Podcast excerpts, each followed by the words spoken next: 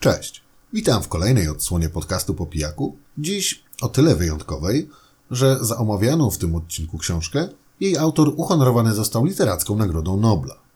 Dla mnie osobiście lektura ta ważna była z innego jeszcze względu, a mianowicie było to moje drugie spotkanie z twórczością pisarza, który przy pierwszym podejściu rozłożył mnie na łopatki, a jego czarodziejską górę nadal uważam za najlepsze, co zdarzyło mi się kiedykolwiek przeczytać. I tak to czasem bywa, że kiedy uważasz dane dzieło za ideał, coś stojącego w Twoim mniemaniu wyżej niż cokolwiek innego z danej dziedziny, to gdzieś w środku budzi się obawa, że ten drugi strzał okaże się klapą, skoro nie ma takiej opcji, by dorównał numerowi pierwszemu. Tak też było ze mną i Badenbrookami, o których będzie dziś mowa. Bo może i sam tytuł wymieniony został w noblowskim uzasadnieniu przyznania Wielkiej Nagrody, jednak wyróżnienie to przypadło w udziale Tomaszowi Manowi w roku 1929, a więc przeszło 28 lat od wydania na rynek historii rodu Badenbrooków, gdzie dla porównania Czarodziejska Góra opublikowana została na pięć wiosen przed nagrodą. Jak to więc z tą ponoć wielką lekturą jest naprawdę i dlaczego? Jak pewnie zauważyliście, tytuł dzisiejszego odcinka nawiązuje do tytułu najgłośniejszej powieści pióra Gabriela Garcia Marqueza. Na te i kilka innych pytań postaram się już za chwilę odpowiedzieć. Dlatego jeśli jesteście ciekawi, to serdecznie zapraszam do wysłuchania materiału. Lecimy. Taką mam rutynę, że po kilku zdaniach wstępu przechodzę do nakreślenia fabuły omawianego dzieła, jednak w tym przypadku w zasadzie niewiele da się powiedzieć, bo na dobrą sprawę właściwie wszystko mówi już sam tytuł. A tak się składa, że pełny tytuł jednej z najważniejszych powieści Tomasa Mana brzmi Badenbrookowie Dzieje upadku rodziny. I nie ma co ukrywać, że nie pozostawia on złudzeń co do celu, ku jakiemu dąży sama lektura. Nie ma tu żadnej zagadki ani zaskoczenia, ponieważ utwór jest realistycznym portretem upadku zamożnej rodziny kupieckiej z Lubeki. Co prawda sama nazwa miasta nie pojawia się ani razu. To jednak opisy ulic, budownictwa i struktury jednoznacznie wskazują, iż miejscem akcji jest rodzinne miasto pisarza. I w zasadzie to by było na tyle, jeśli chodzi o ogólny zarys fabuły, ponieważ prawdziwym celem Mana nie było rozpisanie szokujących zwrotów akcji, które doprowadziły Wielki Ród na dno, a oddanie jak najpełniejszego obrazu epoki oraz skoncentrowanie się na sprawach, które w znaczący sposób ukształtowały samego autora, jak chociażby chęć bycia artystą, a nie podporządkowywanie się autorytarnej woli rodziny.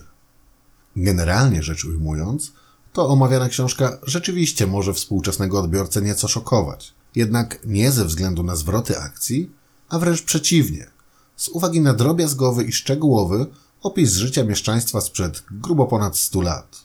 Tak sobie w sumie dopiero teraz pomyślałem, że o ile ja, gdzie tu już lada moment czwarty krzyżyk zawita na barki, zdaję sobie sprawę z tego, jak mogły wyglądać obyczaje w wieku numer 19, o tyle ktoś urodzony już w dobie internetu autentycznie może nie dowierzać, że dla przykładu ustawiane przez rodziców małżeństwa zawierane nie z miłości, a by zgadzał się podział klasowy, absurdalna więc wręcz pobożność, czy zasady etykiety na poziomie dziś mogącym uchodzić za śmieszne, były na porządku dziennym.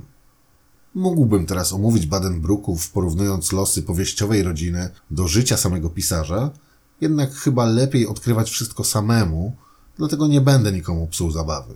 Spróbuję więc wyjaśnić, skąd taki, a nie inny tytuł dzisiejszego odcinka, czyli oczywiste chyba dla wszystkich nawiązanie do 100 lat samotności Marqueza, której to recenzję rzecz jasna również znajdziecie na kanale. Otóż od samego niemal początku nie mogłem pozbyć się porównań, mimo iż jedną z książek napisał 25-letni Niemiec w typie intelektualisty, z kolei drugą 40-letni Kolumbijczyk, myślący raczej sercem. Nie wspominając już o tym, że powieści te dzieli niemal 70 wiosen, jeśli mowa o roku wydania. Pomimo tego, a może też dzięki wszystkim różnicom, jeszcze bardziej uwidatniły się w moim odczuciu podobieństwa. Co więc sprawiło, że oba tytuły gdzieś tam mi się w głowie łączą? Kluczem jest tu przede wszystkim czas akcji obu powieści. U Markeza nie jest on podany, jednak można domniemywać, że mowa tu o okresie mniej więcej od połowy XIX do połowy XX wieku. U z kolei daty pojawiają się co kilkanaście, kilkadziesiąt stron, a właściwa opowieść rozpoczyna się mniej więcej w tym samym czasie co u Gabriela Garcii.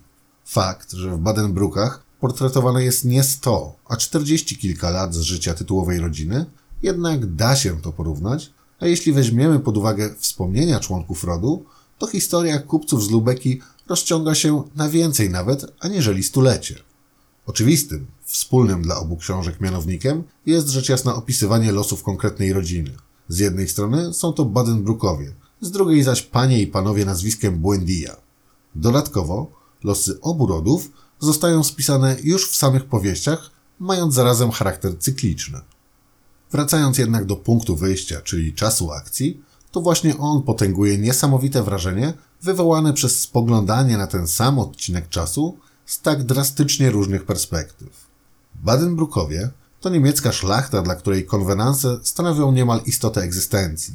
Są wyedukowani, zamożni, zamieszkują prężnie rozwijające się miasto, uważając za dzikusów mieszkańców choćby Monachium, gdyż tam, wnioskując z relacji jednej z bohaterek, wszyscy jedynie piją piwo, nie prezentując sobą żadnych ambicji. Dodatkowo wszystko pisane jest piórem Tomasa Mana, intelektualisty pełną gębą, gdzie nie muszę chyba dodawać, jaką też starannością i ułożeniem wszystkiego pod linijkę charakteryzują się nasi zachodni sąsiedzi. Z drugiej strony mamy Markeza, który co prawda w przeciwieństwie do Mana nie starał się być nad wyraz szczegółowy, a i nie cała Ameryka Południowa była, że tak powiem, zabita dechami, jednak również i on ilustrował tyle o ile stan faktyczny. Ten z kolei ukazywał nam ludzi na wiedzę opornych i odpornych, dla których jednym z głównych celów było chociażby zaspokajanie popędu seksualnego. Innymi słowy, w czasie kiedy bohaterowie Mana zastanawiali się, jakiej zastawy użyć do kolacji, by wyglądała bardziej wykwintnie, a i tematy giełdy nie były im obce, bohaterowie Markeza, mówiąc kolokwialnie, poznawali zastosowanie koła. I, żeby była jasność, nie mówię tego, by jednych wywyższać, ubliżając drugim, zwłaszcza, że Badenbrookom brakowało z kolei tej kreatywności, polotu, wolności i magii, tak charakterystycznych dla bohaterów Markeza. Mówię o tym, bo właśnie kontrast tych dwóch światów, osadzonych w tym samym okresie czasowym, może doprowadzić do ciekawych wniosków i z tego właśnie powodu tytuł dzisiejszej recenzji jest taki, a nie inny. Powracając jednak w pełni do noblowskiego dzieła Mana, to choć nie da się ukryć, że do czarodziejskiej góry sporo tu brakuje, nie sposób Badenbrooków nie docenić.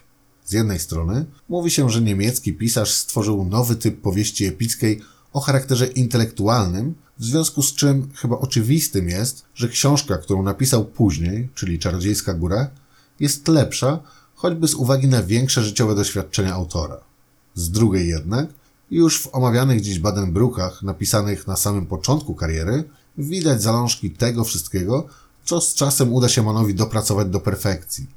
Język, spostrzeżenia, umiejętność oddania epoki ze wszystkimi jej detalami już tutaj zahaczają o poziom nieosiągalny dla zdecydowanej większości pisarzy. Powoli kończąc, powiem jeszcze, że mnie osobiście książkę czytało się rewelacyjnie. Przynajmniej przez większą jej część, bo nie będę ukrywał, że pod koniec kreacją już może malutki element znużenia, co nie zmienia faktu, że moim zdaniem Badenbrookowie, dzieje upadku rodziny, to powieść napisana przepięknym językiem i pomimo dosyć ciężkiego wydźwięku, napisana z polotem, którego nie da się nauczyć. Z tym się po prostu trzeba urodzić. Tomasz Mann z tym czymś właśnie się urodził. Dlatego ode mnie 8 gwiazdek. Książkę szczerze polecam, mając świadomość, że nie jest to moje ostatnie spotkanie z niemieckim mistrzem pióra. Dzięki za wysłuchanie. Pozdrawiam i do następnego razu. Cześć.